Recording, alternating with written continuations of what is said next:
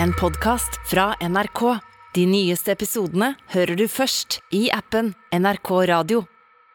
Norsken, svensken og dansken.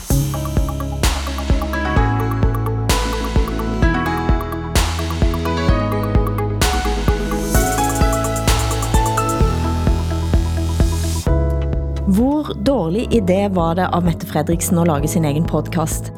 Er Skandinavia en terroristhub, som Tyrkia påstår? Og bør Norge gi fra sig de ekstra oljeinntektene landet får nå til Ukraina?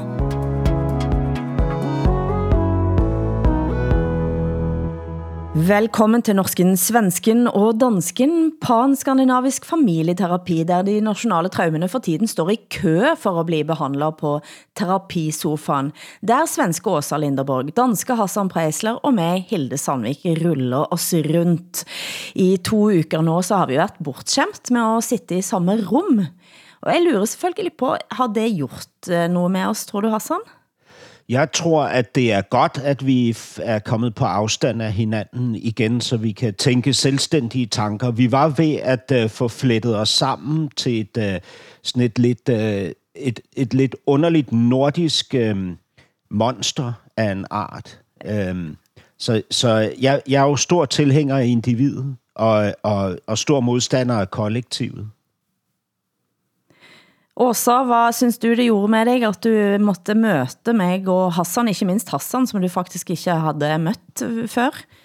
Jag tyckte det var morsomt. Ødela det noget? Nej, tvärtom. Jag tyckte det var morsomt. Jag skulle gärna se att vi vartannat program, program kunde ses. Vartannat kan vi vara var en för sig. Men nu är det som det är. Nu sitter vi i våra kök igen. Och så kommer vi Ja, göra ett tag. Ja, det gør vi.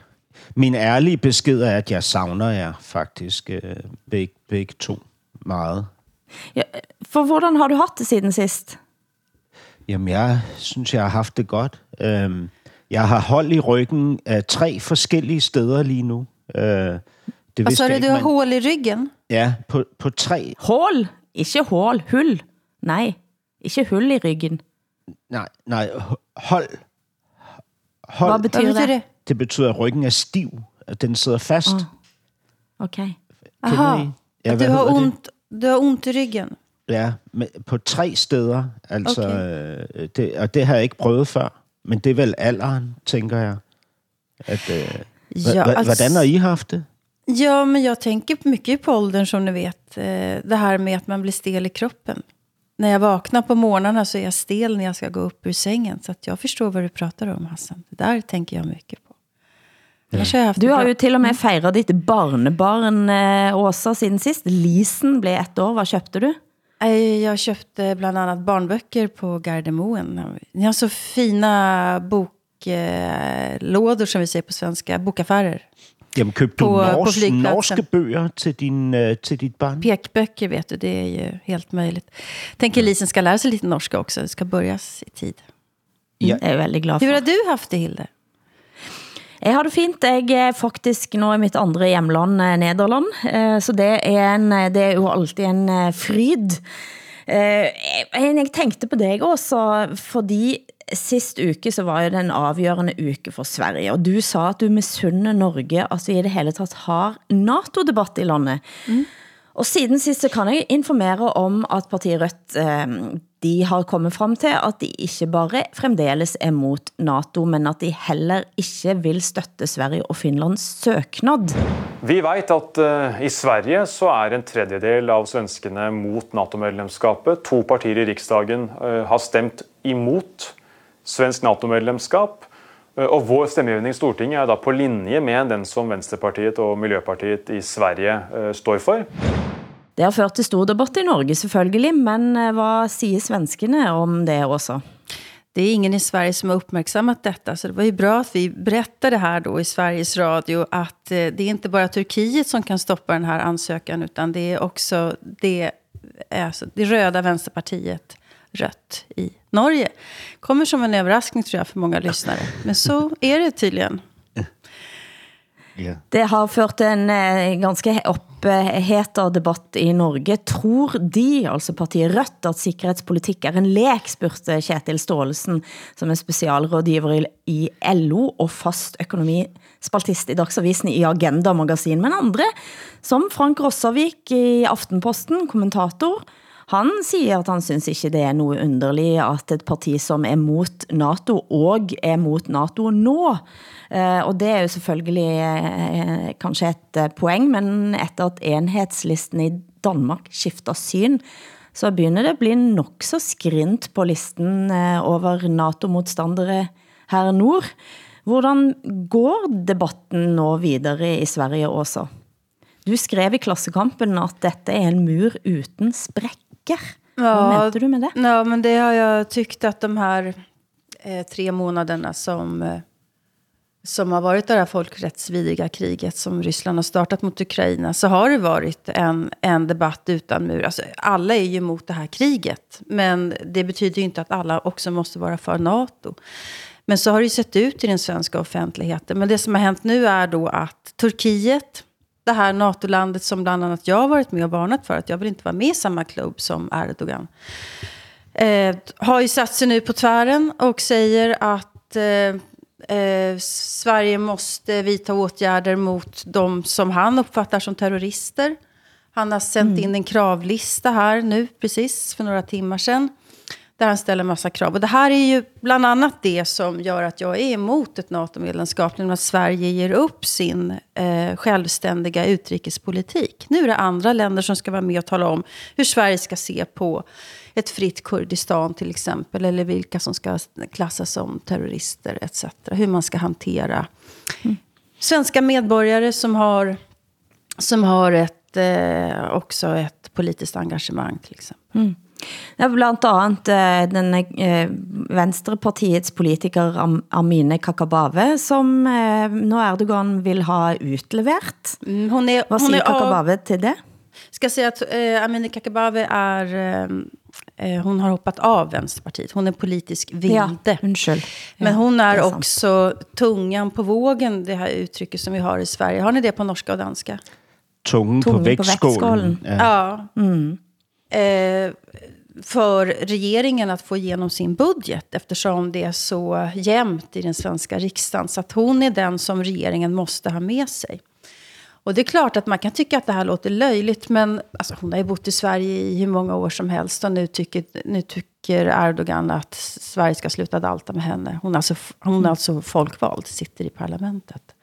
Men, men, och om, men, och om regeringen tillgodoser Erdogans krav här så kommer hon ju naturligtvis inte att stödja regeringens budget. Ja.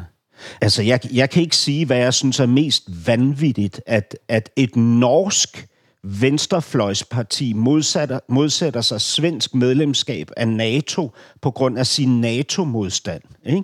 Eller at Erdogan kræver at få udleveret en, uh, for eksempel en, uh, en, en, uh, en læge, en død læge, uh, en person, som mm. har været, været død i fem år, tror jeg. En død læge, vil de Ja. Mm. Øhm, mm. Altså, det, det, det er jo fuldstændig gakket altså, NATO er en forsvarsalliance, ikke? Og, og NATO-udvidelsen sker på baggrund af krigen i Ukraine. Det har ikke noget med alle mulige andre ting at gøre. Og hvis, hvis den svenske venstrefløj uh, kan, kan skaffe mandat til, at, uh, at at Sverige øh, trækker sin, sin ansøgning om medlemskab i NATO, så skal man jo acceptere det, men at den norske venstrefløj blander sig i det her, synes jeg er dybt upassende. Ja, det alltså, tycker inte, jag, tycker inte, alltså jag har ingen åsikt om, om själva sakfrågan, om det är rätt eller fel, det är Rött säger här egentligen eller det är ointressant nu. Jag tycker att det är självklart att ett parti ska fortsätta hålla sin politik. Eh, varför ska man plötsligt ändra politik, skifta mening bara för att majoriteten plötsligt har ändrat sig? Det, det, kan, ja, men, det kan inte jag det, förstå. Men om jag, jag kan jämföra med Vänsterpartiet till exempel, som ju har varit emot EU, men ändå har varit för att EU ska utvidga sig och få fler medlemsländer därför att de tycker att det här ska inte bara vara en, rik, en klubb för rika.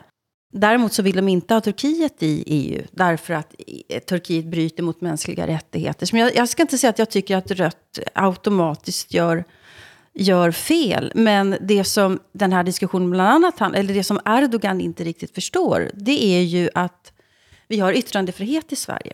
Alltså PKK är ju terroriststämplat av EU, det är terroriststämplat av oss också i Sverige. Men enligt svensk lag så har man rätt som PKK-sympatisör att gå ut på gatorna med PKK-flaggor och vifta med plakat för deras ledare Öcalan och så vidare. Och det kan ju inte han acceptera eftersom han har en annan syn på demokrati än vad vi har.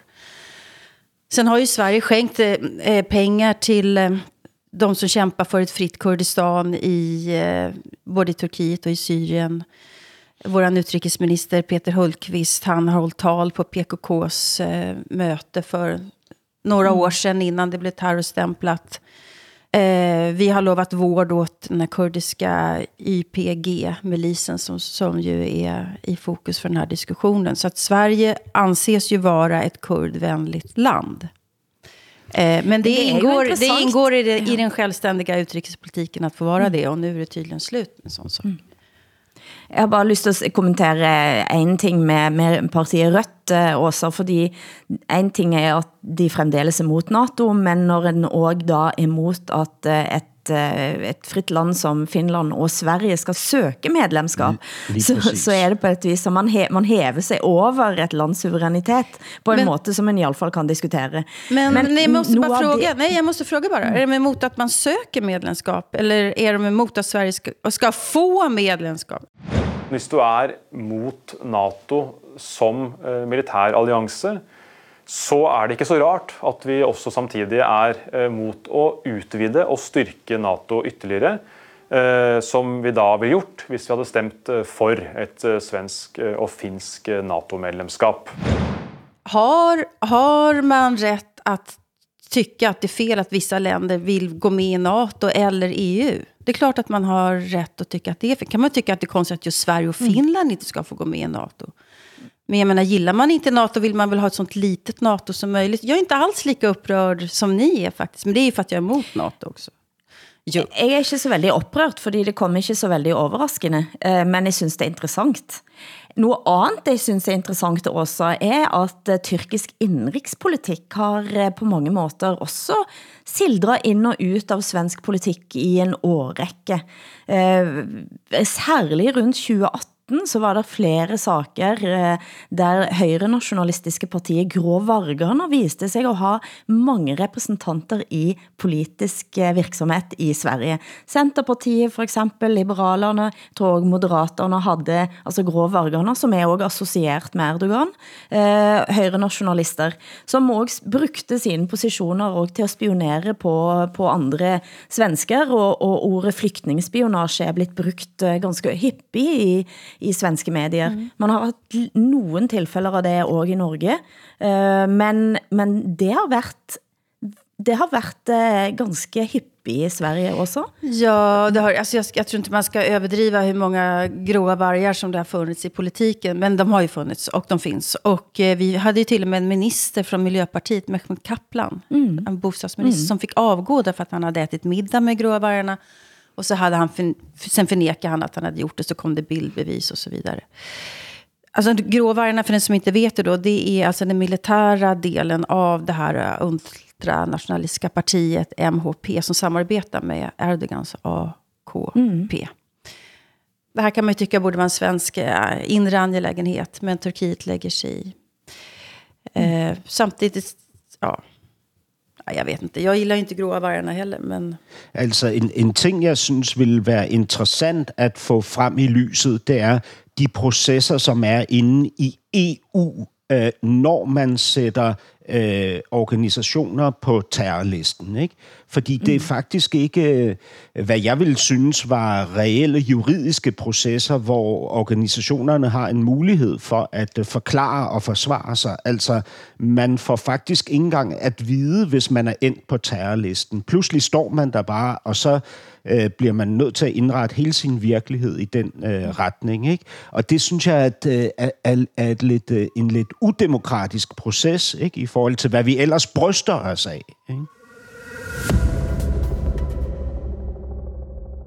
Men denne Ukraina-konflikten er en slags fremkaldervæske for mange forhold mellem eh, vores land. Eh, Polens statsminister Mateusz Morawiecki mener, at Norge indirekte nå drar nytte av Ukraina-krigen. Det var i et folkemøte med ungdom i går den polske statsministeren langet ut mot Norge, som har rekordhøje olje- og gassinntekter som følge av krigen i Ukraina. Nå må Norge dele disse pengene, sa han. Ale szanowni państwo, młodzi ludzie, coś jest nie tak. Piszcie do waszych młodych przyjaciół w Norwegii. Og det var under National ungdomsdialogkongress eh, forrige uke, forrige lørdag, at Polens statsminister udtalte, at et lite land som Norge med 5 millioner indbyggere sitter igen med et overskud fra olie og gas på over 100 milliarder euro, sa han. Han mente, at Norge derfor indirekte drar nytte av krigen. Eh, er, er svenske og danske medier eh, optaget av Norges nå store oljepengebinge? Vi kan inte tänka på annat än olja och pengar när vi pratar om Norge. Jag kan förstå att Polen är provocerade, men samtidigt det är inte så här det fungerar. Det måste ju Polen också fatta. Alltså, det, är, det är inte en kommunistisk planekonomi där, man, där den som har ger åt de som inte har. Utan så här funkar kapitalismen och nationalstaten, punkt slut. Det är klart att Norge har rätt till sin egen olja. Ja, men altså, men, men, men øh, jeg vil dog sige rent følelsesmæssigt, ikke? da jeg læste artiklen om den øh, polske ministers øh, øh, øh, holdning, øh, så tænkte jeg, at det ville faktisk være rart. Altså, det ville da være dejligt, hvis Norge ville betale et større bidrag end Danmark mm. og Sverige til krisen i Ukraine. Nu når Norge har tjent, øh, eller kommer til at tjene, øh, seks gange så meget på olie i løbet af det her år øh, 2022 som, som forventet. Øh, det Men då det finns det ju onda och goda oljepengar då i så fall, tänker jag. Det är klart att eh, Norge tjänar mycket pengar på det här kriget. Kan vi säga att de ska, de ska de betala motståndsrörelsen i eller, eller Ukraina då för att göra motstånd. Saudiarabien tjänar också jättemycket pengar på det här kriget och andra. Det kan bli sådana enorma konflikter i konflikten. Vem som finansierar hvad och så vidare. Men hvad, det- Hilde, hvad skal I bruge alle de penge, I tjener på Ja, bra nu her fråga. i Jo. 2022? Konst till förskott, dagis som ni gjorde förr. og Regent, Regent, Regent Street og Times Square Street. Nej, det kan jeg jo bare sige med en gang, at uh, krigen uh, fører også til noget andet øh, for Norge, nemlig at jeg tror siden jul, så har uh, oliefondet, der da overskuddet fra olien kom ind, det renner ret ut igen. Jeg tror uh, oliefondet har krympet med 500 milliarder siden jul. Och Eh, stackars Så her er det er. penger, penger, ind og penger ut. Men det er noget, jeg synes er interessant, eh, og som jeg har tænkt ganske mye på. Fordi at eh, Norge bidrar til krigen, det gør Sverige og Danmark også, og, og, og det- er store summer som, som går ut. Men Norge har altså eh, bestemt sig for at mye av den støtten som går til Ukraina skal gå over bistandsbudgettet. Det som det blandt andet går ut over, er at den kutter i budgettene til flere menneskerettighedsorganisationer, eh, som nå selvfølgelig er, er ganske fortvilet og, og står på barrikaderne. Og det tænker jeg altså med den situation, som vi går ind i nu, hvis vi eh, reducerer arbejdet i menneskerettighedsorganisationerne, samtidig som det pågår en krig, som virkelig eh, går ut over eh, menneskets rettigheder, og det er til og med en krig mot den liberale demokratiet, så tænker jeg at det høres ut som en dårlig idé, rett og slett. Hur har, hur Det har jeg tænkt ganske Ja. mye på.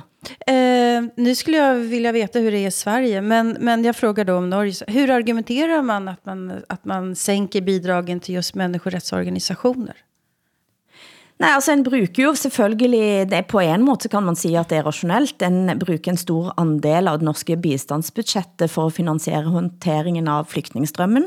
Mm. Eh, sant? Fordi mm. det, det er jo en stor flygtningstrøm, og et sted skal pengene komme fra, og så tænker en at dette er en del av bistandsarbejdet. Mm. Så det er jo ikke helt irrationelt, men at man da kutter i bidragene til eh, vigtige menneskeretsorganisationer. Mm. Det er det, som flere har reagert på, blandt andet Helsingforskomiteen, som har sagt, at det er kortsigtigt tænkt. Mm. Det er jeg faktisk enig i. Men Det er sådan også- er det også i Danmark. Der har man også taget dele af de øh, store omkostninger, der er forbundet med at øh, hjælpe øh, i Ukraine. Dele af, af, af de omkostninger har man ligesom dækket ved at, øh, at tage i udviklingsbistanden. Ikke? Mm. Det var egentlig også forventeligt. Altså, der har ikke været nogen nævneværdig reaktion i Danmark. Jeg, jeg tænker, at det er noget, vi alle sammen øh, forventede at ville ske, mm. om, om man synes, det er rimeligt eller ej. Men pengene skal jo komme et sted fra. Du hører norsken, svensken og dansken.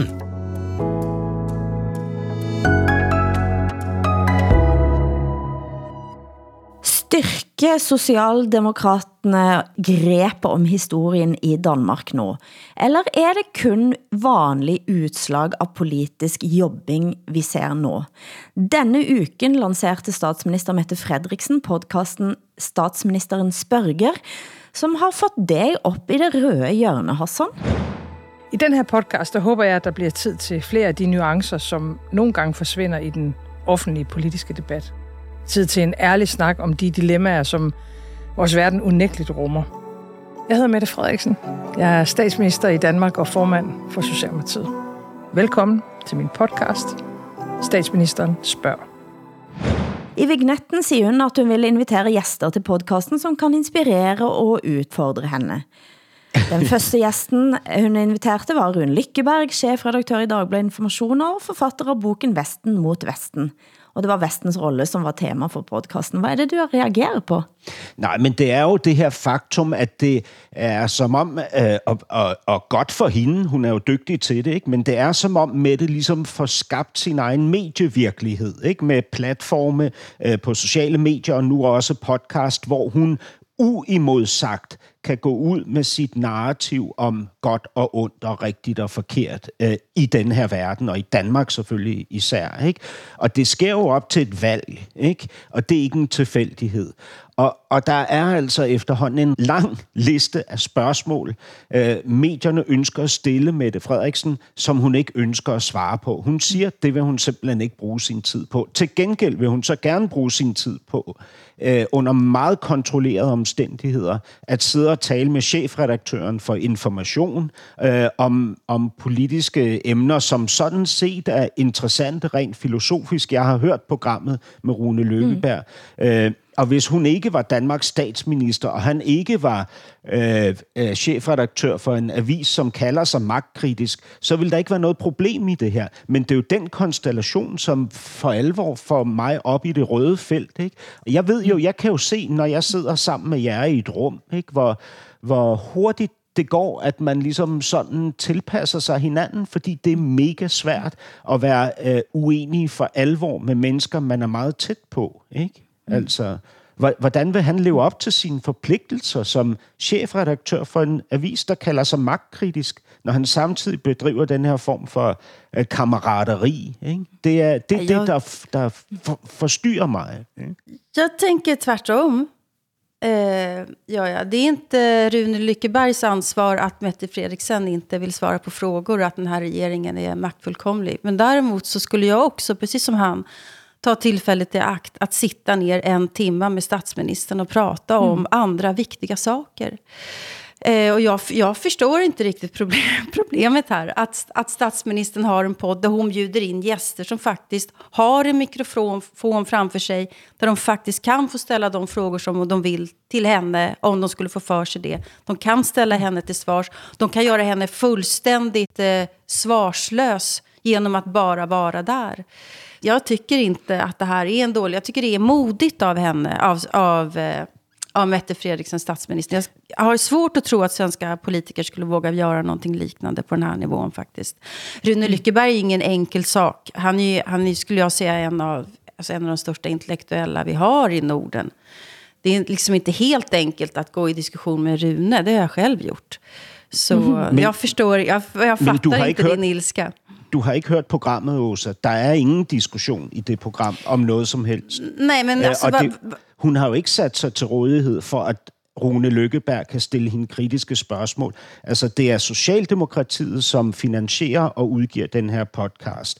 De har den fulde redigeringsmagt over, hvad, hvad Jo, der fast- bliver øh, udgivet, ikke? Og hvad vi får at høre. Men då, då är ju nästa fråga i så fall, får eh, regeringspartier äga tidningar? Alltså vad går gränsen för, alltså får man äga Twitterkonto? Du, du säger att hon äger narrativet med den här podden. Ja. Ja. Eh, ska man avsäga sig alla kommunikationsmöjligheter bara för att man plötsligt blir statsminister eller... Jamen, nej, eller, eller, och sen nej, problem, nej, men jamen- problem, vi pratar om två olika, problemet är att Mette Fredriksson är en maktfullkomlig person som vägrar svara på frågor som, som journalister ställer till henne. För det vill hon inte göra, för det tycker hon är arbetsamt. Men att hon har en podd där hon bjuder in andra och pratar om, om existentiella frågor, filosofiska frågor, ideologiska frågor, stora frågor, det, det imponerar på mig faktiskt. Ja.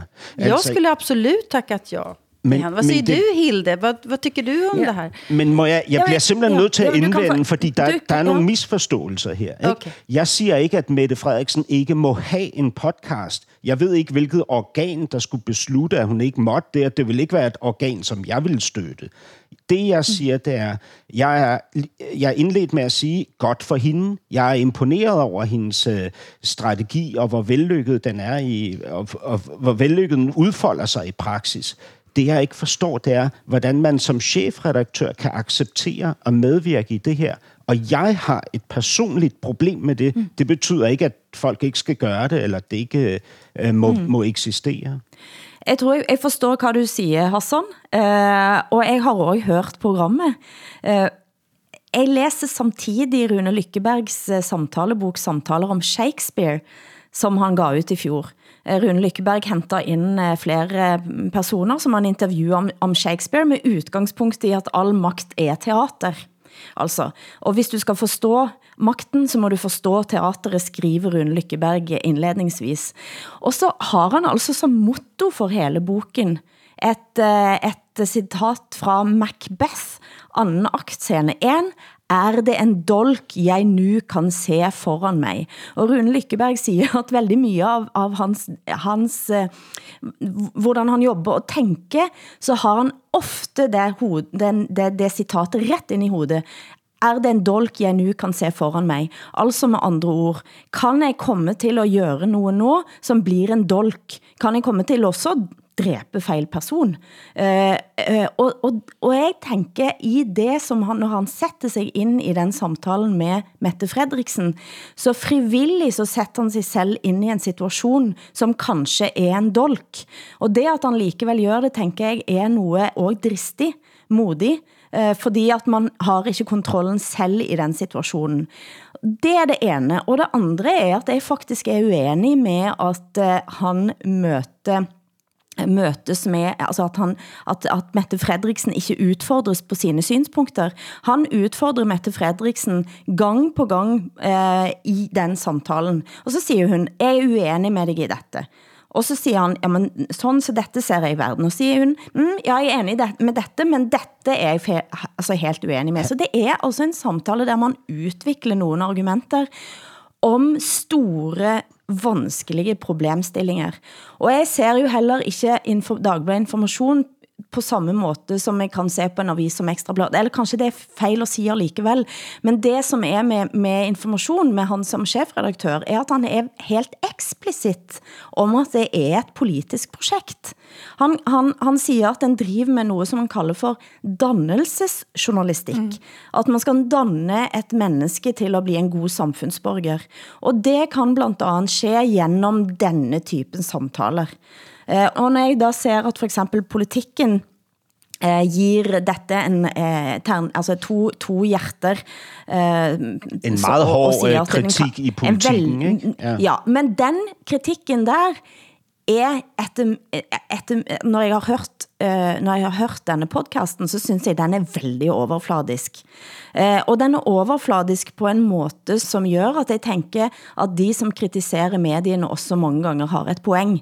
For man, man går ikke egentlig ind og lytter hvad dette er for noget. Man lytter med et veldig specifikt udgangspunkt, som er at dette er fejl, uh, eh, dette bør man ikke gøre, dette er fejl. Og så hører man egentlig ikke etter hvad som faktisk sker i denne samtalen. Uh, og noget af det som, altså, men, men det betyder ikke at jeg vil uh, forsvare Mette Fredriksen alt hun gør, og, og at hun er åbenbart en, en, en magtspiller på denne shakespearianske scenen, det er, det er det jo ingen tvil om. Så, Men hun så, stiller for eksempel jeres- spørgsmål, hvordan skabe en rum, og det er lidt mere tid? Jeres reelle forestilling om det her, ja, du har ret, øh, Mette Frederiksen bliver udfordret på det filosofiske plan. Absolut, i den her podcast. De diskuterer filosofi og en, del, en smule historie. Men i forhold til alt det, vi taler om med de spørgsmål, hun ikke vil svare på, bliver hun ikke et sekund udfordret. Men, la, Men det er jo ikke det, som er- altså, dette er en men anden I, I samtale. mener simpelthen, at det her er et, et reelt gensidigt forsøg fra Mette Frederiksen og Rune Lykkeberg på at skabe en ny, øh, opdragende øh, øh, kultur for god samtale. Og, og det skal vi give os hen til at stole på. Altså, det, om du vil stole på det eller ikke stole på det, det må du gøre som du vil med. Men jeg tror jo at eh, selv om politikere med magt, eh, og som kan bruge magten sin på gode og dårlige måter, jeg tror selv det menneske har en genuint ønske om at forstå verden. Jeg tror også at Mette Frederiksen ønsker at kunne forstå verden. Og så er hun selvfølgelig i tillæg til det, så har hun et magtpotential, eh, Eh, som kan misbrukes og brukes eh, på, på mange vis. Men jeg, jeg, jeg, jeg, er, jeg vil insistere på at en politiker ikke kun er et slags kynisk eh, et, hvad, hva skal man sige da? En, en kynisk manipulerer av oss alle. Jeg, tror på, at der er no, noget genuint i pol politikken. There is always a commitment behind the complaint, som det heter på, på engelsk. Det er et ønske om at ændre noget i et samfund til det bedre. Eh, tror jeg også om Mette Frederiksen, selv om jeg kan være veldig uenig med henne om den måten, hun vil da eventuelt ændre det samfundet på. Altså, jeg må i hvert fald sige, at I har ret i en ting, Åsa og Hilde, og det er, at jeg er ikke i stand til at lytte til det her på nogen som helst øh, objektiv måde.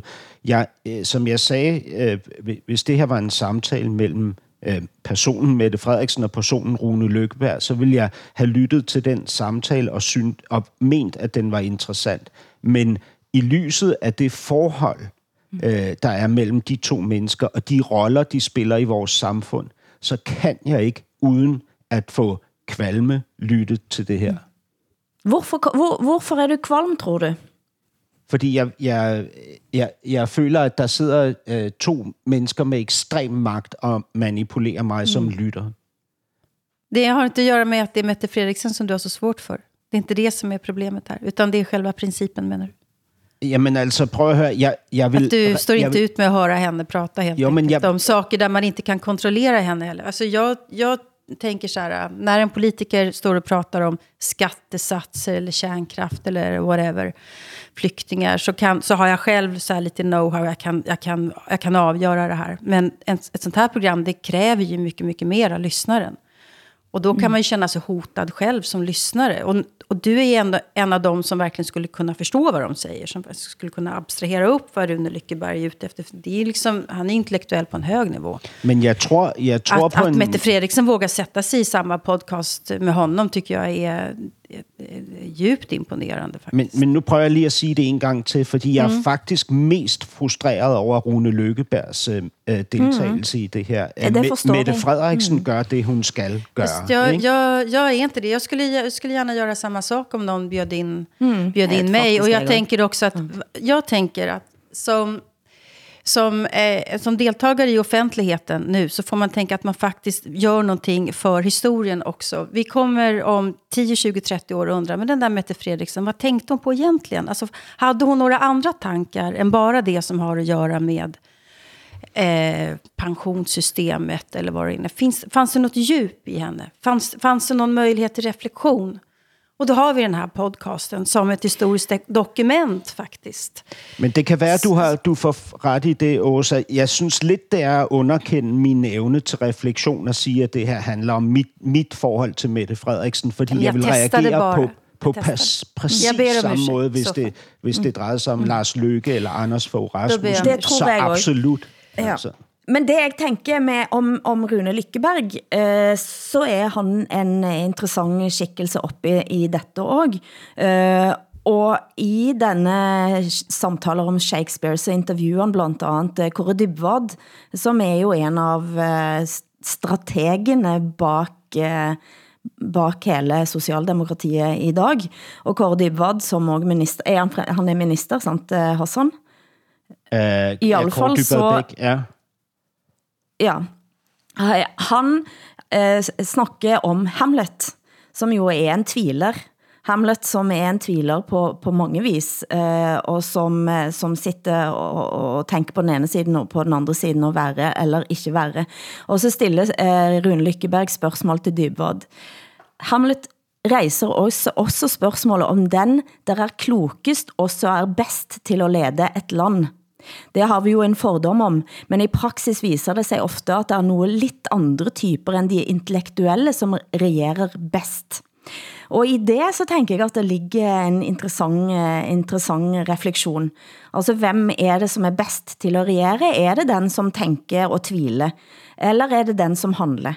Og jeg har tænkt om Mette Fredriksen, at hun er den, som handler, eh, tviler lite. Og så møter hun her en, som er en klassisk tviler og som utfordrer blandt andet Mette Fredriksen på, har vi, for, for Mette Fredriksen siger, vi var naive på 90-tallet, eh, mens autokratier kunne vokse frem og så videre. Og så siger Rune Lykkeberg, nej, det var ikke naivt, det var grådig. Og hvad betyder grådig? Hvad betyder grådig? Hvad betyder... Grådig, det betyder at være, hvad betyder det at være grådig eh, på svensk? Man vil ha mer og mer. Eh, girig. Ja. Man er girig. Ja. ja, okay. Men, og det er en sådan refleksion, som i alle fall bliver sittende igen hos mig. Og tænke naivitet versus grådighed. Det er jo veldig konkret og næsten banalt, men interessant. Du hører norsken, svensken og dansken i SR, DR og NRK.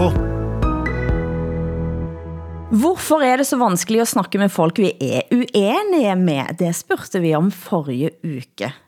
Eh, og nu kan vi stille spørgsmål, hvordan forholder vi os selv til folk, vi er uenige med? Undgår vi dem?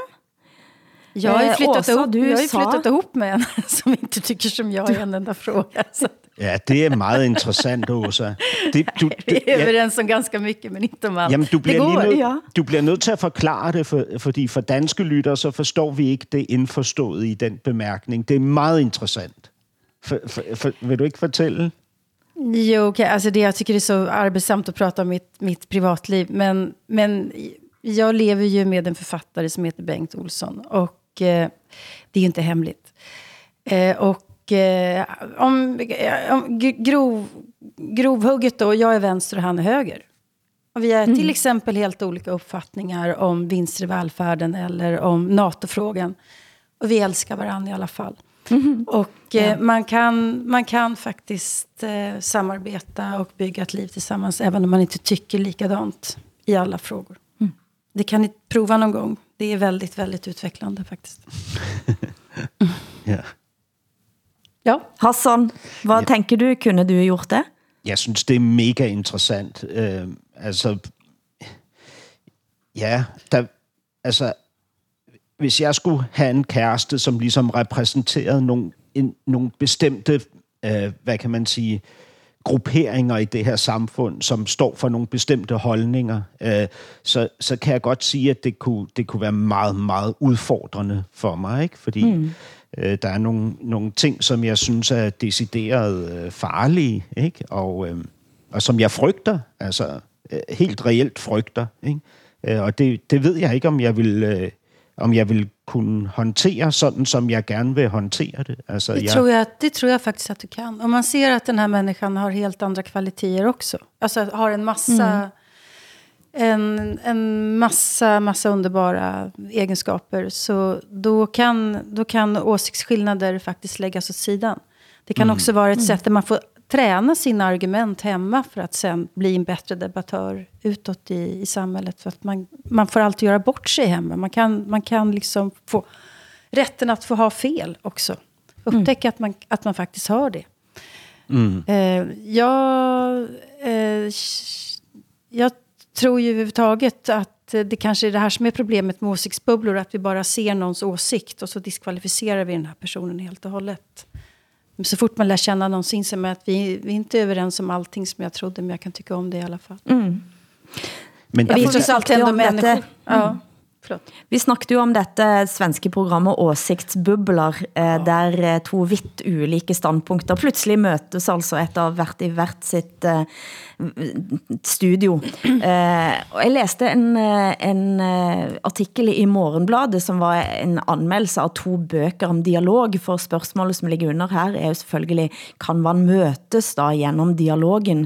Eh, og en setning som, som som, som sprang ut av uh, avisbladet til mig var uh, altså et citat fra Helge Fossheims bok Dialog, en filosofisk tilnærming. Igen og igen dramatiserer Platon, hvordan det på forskellige måter er det kære selv, karakteren selvbilde og ønske om at bli sett på en viss måte, som kommer i vejen for en vellykket dialog. Uh, og det er jo selvfølgelig interessant, altså hvis man tar det ut i sånne åsiktsbubler da, og tænker, at man skal liksom kunne gennem dialogen komme frem til noget nyt, så står altså dette selve i vejen da. Eh, men, du men, lærer Hassan. ja, men det er jo, det, det er jo sandt. Altså, det er jo så sandt. Naturligvis er det det. Men jeg, jeg har faktisk læst en, en rigtig spændende artikel i avisen Information, som, som jeg ikke så ofte læser, fordi øh, jeg har en modstand mod øh, de mennesker, der skriver i den avis. Nu, nu er jeg bare ærlig. Ikke? Jeg skriver om, i den avisen, det. Hassan. Ja, det ved jeg, du gør. Og der, jeg, ja, jeg ved ikke, jeg på pluslistan. Ja, Okay, Men sure. jeg har læst en meget, meget interessant øh, artikel i den avis, øh, som øh, er et par år gammel, og den handler om øh, ek, netop ekokamre. Ikke? Den, er, den er skrevet på baggrund af en meget omfattende research, som er foretaget af en professor ved øh, Oxford University. Han hedder Rasmus Kleis Nielsen, så jeg går ud fra, at han er dansk, denne øh, professor. Han skriver, at det er ikke så væsentligt, om vi tilhører højre eller venstrefløjen, om man er Hassan Prejsler eller Rune Lykkeberg eller øh, Linderborg eller Bengt Olsson. Det, der i virkeligheden er interessant, det er, hvilken klasse man tilhører i forhold til mm. ekokamre. Fordi i de øvre lag oppe i eliten, der bilder vi os ind, at vi er i opposition til hinanden. Men det er mm. vi reelt ikke. Reelt sidder vi på den komplette magt, og vi definerer os selv i relation til os selv hele tiden. Ikke? Gennem mm. vores aviser, øh, vores øh, øvrige medier, vores litteratur, vores musik osv. osv. osv. Det egentlige skæld og den egentlige øhm, ophævelse af den her boble ikke, vil være, hvis vi begyndte at blande os med andre klasser. Ikke? Men mm. det, det er, altså, hvis man kigger på det historisk, øh, ifølge den her forsker, så er det det, der allermest sjældent sker. Ikke? Vi afholder os fra den øh, kommunikation uden for vores boble. Ikke? Det är superintressant och jag tror att det ligger väldigt, väldigt mycket i det där. Och jag tänkte på det här programmet Åsiktsbubblan som vi pratade om häromdagen. Det här svenska programmet som jag avskyr men som jag tror att ni tyckte var lite bättre. Eh, där har, talar de ju om vad alla de här deltagarna har för yrken. Någon är student och eh, två stycken var rena arbetare och vad det nu var. Det skulle vara intressant mm. om man hade bytt skyltarna. Och påstått att den mm. som kanske var lastbilschaufför egentligen var professor och så vidare. Det skulle vara intressant att se om man hade lyssnat på dem annorlunda, om man hade liksom värderat dem annorlunda. För det tror jag mm. Att, mm. att man skulle göra. För där skulle det vara det riktiga sociala experimentet. Att, se, att klistra på en klasslöjlighet eller en social status som någon inte har. Mm. Och sen så låta den personen säga samma sak som skulle ha gjort ändå. Det at klistre på saker, som, eh, som en ikke tilhører, det har jo da Danmarks Radio gjort en egen vri på eh, med programmet Ellen imellem. I dag skal jeg snakke med forfatter og professor Anja C. Andersen, der er en af Danmarks førende astrofysikere. Hun ved godt, at det skal handle om fladjordsteorien, men hvad hun ikke ved er, at det er Flat Ole, der styrer hvert eneste ord, der kommer ud af min mund. Jeg ved, at jorden er flad, for jeg har set det med mine egne øjne. Det er et eh, program altså som har skabt stor eh, debatt i Danmark, eh, Hassan. Og her er det altså en programleder, Ellen, som sitter med en øresnegle, som det heter på dansk, og får vite av nogen, som sitter sitte bak i et bakrum, hvilke spørgsmål hun skal stille til gæsten. Og på bakrummet så sitter der altså folk, som er for eksempel flat earther, tror at jorden er flat, er mot fri abort eh, og andre saker, og stille de spørgsmål, som da Ellen skal stille til sitt intervjuobjekt, som gerne er en politiker. Øh, nej, en, en, en specialist, altså oftest en forsker faktisk, en videnskabs... Ja, ok, netop. Jeg så Pernille. Skipper, som jo er selvfølgelig enhedslistens politiker, når det handler om abort, så jeg, jeg tænkte, at det var flere politikere. Ja. For, fortæl, dette, dette er jo et specielt eh, koncept. Jamen altså, det, Det heter altså Ellen imellem. Ja, øh, det er mega sjovt. Altså, øh, fordi man, man ser jo aldrig de her to øh, øh, holdningssystemer brydes, fordi de har jo ikke lyst til at kommunikere, og når de kommunikerer, mm. bliver det på afsindig øh, besynderlig og aggressiv façon. Ikke? Det er det jo ikke her, øh, fordi journalisten har ikke nogen følelser i klemme, så hun præsenterer bare med et smil de argumenter øh, fra den anden verden. Ikke? Og det er, altså, det er, det er fantastisk som, øh, som socialt eksperiment, og man sidder og kigger på det. Jeg grinte højt, og det er, det er mange år siden, jeg grinede højt af noget, der blev sendt på Danmarks Radio. Øhm, så, så Du jeg synes, det, ja. Ja, jeg synes, det var en kæmpe succes. Men de her videnskabsfolk er blevet voldsomt krænket over øh, Men det- at have medvirket ja. på den her måde, ikke? og synes ikke, at de er blevet ordentligt informeret om det på forhånd. Men det, det kan jag faktiskt förstå. Nu är ju forskare lättkränkta, men jag kan nog förstå det där att man blir utsatt för... någonting. Alltså det, kan- det, är, det är svårt att vara en intervjusituation överhuvudtaget. Ja. Och att man dessutom blir lurad i någonting som har att göra med ens profession och expertis. Det skulle jag också tycka var ganska besvärligt faktiskt. Altså, jeg synes jo, de her øh, forskere, eller de personer, som sidder uh-huh. som gæster i interviewstolen, de kommer meget stærkt ud af det her Okay. alle sammen. Der er Åh. ingen, der bliver ydmyget. Øh, Och jag skulle vilja se det där, det låter spännande. Men det er, jeg, jeg må jo bare indrømme, at eh, som journalist, det kendte jo jeg på, hvis jeg skulle for eksempel ha været denne Ellen, eh, og fått ind i det. øret sånne spørgsmål og, og stille, sant? Det er virkelig at gå nogle runder det også, og skulle formulere, ja. fordi man får lyst til at begynde at gå og diskutere med han som sitter bak. Eh, det synes jeg var ganske imponerende Altså- av denne Ellen, som sitter helt storisk. Ja. Jeg vil elske at prøve det der, ikke? Men, men altså, der er, der er på et tidspunkt, hvor Flat Eartheren tvinger journalisten til at spørge eksperten, øh, har du nogensinde tænkt på, at NASA, ordet, mm. ordet NASA, minder meget om ordet nazi? Ordet. Ja, NASA, ordet nazi. NASA Ja, og ordet nazi. Ikke? Og, og den måde, forskeren reagerer på, er ubetalelig. Altså, det er, hun, hun, hun, er, altså, hun er jo i chok. Ikke? Og det, altså, det er simpelthen så morsomt. Jeg kan, jeg kan ikke forstå, at man ikke bare øh, ikke kan elske det her program. Men ikke? alltså, är det diskussion i Danmark om själva programmet? Att Ja, ja, ja. att- Jaha, nej, jag tycker det låter fantastiskt nu när ni pratar om det. Ja, men de, altså, alle de andre medier slår rigtig hårdt på Danmarks Jaså, Radio lige nu. Ikke? jaså. Altså, ja. Siden vi nå er i informationslandet i dag, eh, de skriver blandt andet eh, at dette er et misforstået, i værste fall skadelig bud på videnskabsjournalistik, fordi det svækker tillit mellem forskere og journalister, på påstår information blandt andet. Men også flere andre berlingske har vel slagtet, der er mange som har eh, slagtet dette, dette programmet. Men det siger nogle ting igen, altså om vi, altså vi strever med at finde et rum for en interessant måte at diskutere disse store kløftene i samfundet vårt i øjeblikket.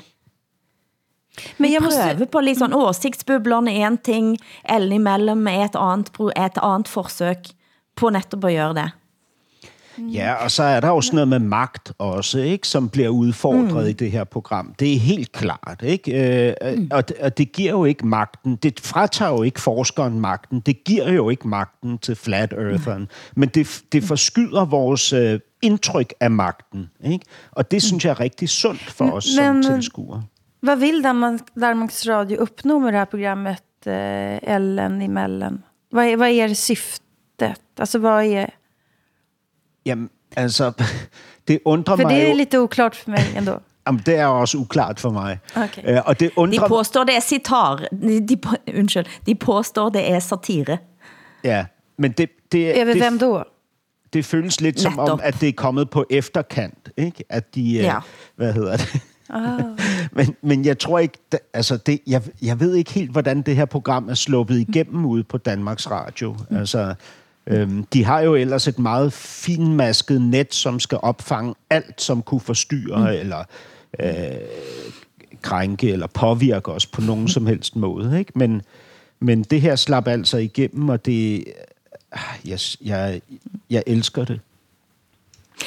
Jeg har eh, lurt på hvad som vi hisser oss op over eh, den sidste uken, og Åsa, hvad har du irritert dig over? Ni säger så på norska att man hissar upp sig när man är, när man är eh, sint på någonting, när man är förbannad på någonting. Ja. Eller irriterad. Ja. Irriterat. irriterad.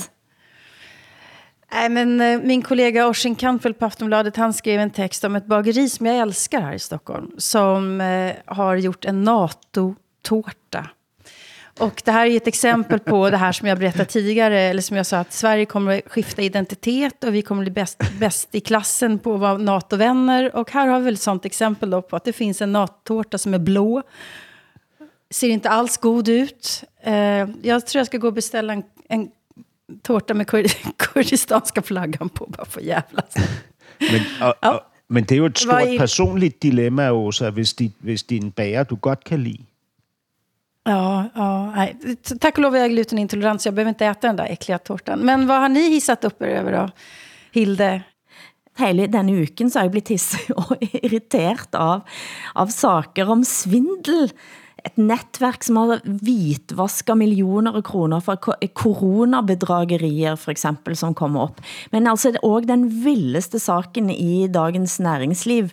Eh, fra en luksusvilla i Bærum, så er det en gåtefull amerikansk general, eh, som påstår han er Amish-pastor, som svindler til sig mere end 100 millioner kroner.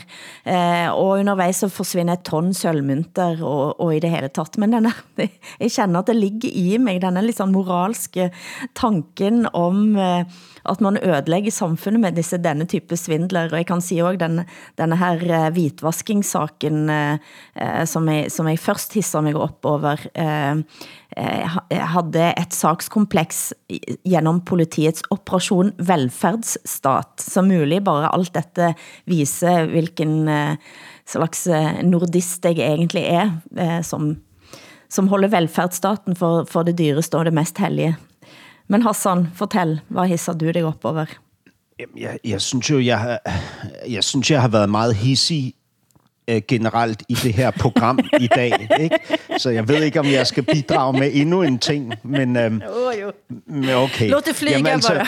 jo, men det handler om kongehuset i Danmark. Ikke? Kongehuset har jo foretaget en, hvad kan man sige, en rejse fra at være øh, en institution, som primært stod for at øh, øh, give indtryk af noget kulturbevarende, til i dag faktisk at, at være et, øh, hvad kan man sige, et, en institution, som er øh, moraliserende eller opbyggelig, som avisen Information ville kalde det. Øhm, men det danske kongehus har jo stadig nogle ekstremt tvivlsomme relationer. Altså, for eksempel så går øhm, øh, øh, øh, den kommende kronprins på Herlufsholm Kostskole, som er den her øh, kostskole, vi har talt om tidligere, som ins- nu er eh, blevet... sk- Internatskolan, som är som Lundsberg i Sverige. Ja, nemlig, Forklare. ikke? Den her skole, som nu er blevet kungabarnen har gått där. Ja. ja, i relation mm. til øh, øh, øh, krænkelser, øh, øh, overgreb, vold, mobning osv. Ikke? Øhm, og de beholder jo deres søn på den her kostskole, og efter sommeren skal deres datter også starte på Herlufsholm. Ikke? Øhm, og, og, og samtidig så sidder deres mor, kronprinsesse Mary, øh, på, på, på toppen af Mary-fonden, ikke? som arbejder imod mobning. Altså, sådan nogle ting bliver for mig alt for kolliderende. Jeg kan simpelthen ikke mm. få det til at hænge sammen. Jeg kan heller ikke mm. få det til at hænge sammen på den måde, at, at, øh, at kongefamilien plejer øhm, øh, omgang med øh, Eko-familien. I kender de danske sko Eko, som lige nu ja. laver øh, milliardoverskud i Rusland. Ekosko, Ekosko, ja. ikke? Som lige nu laver milliardoverskud mm. i Rusland, fordi de som et af de få danske firmaer nægter at, øh, at lukke deres øh, butikker mm. øh, derovre. Ikke? Altså, det bliver for mig ekstremt øh, problematisk. Øhm, altså, kongefamilien og Eko er meget tæt flettet sammen mm. på mange områder, og er, mm. og er hinanden mange ting skyldige, både økonomisk mm. og øh, øh, præsentationsmæssigt, ikke narrativt. Øh, Mm. ja. Eh, hvad skal vi snakke om næste uke, Hassan? Skal vi bare snakke om det, som glæder os? Vi har været inde i irritationsland her i dag. Eller hvad tror du? altså, nu har den svenske øh, filminstruktør, som øh, er i opløb øh, i relation til Cannes, har jo... Øh, Ruben Östlund.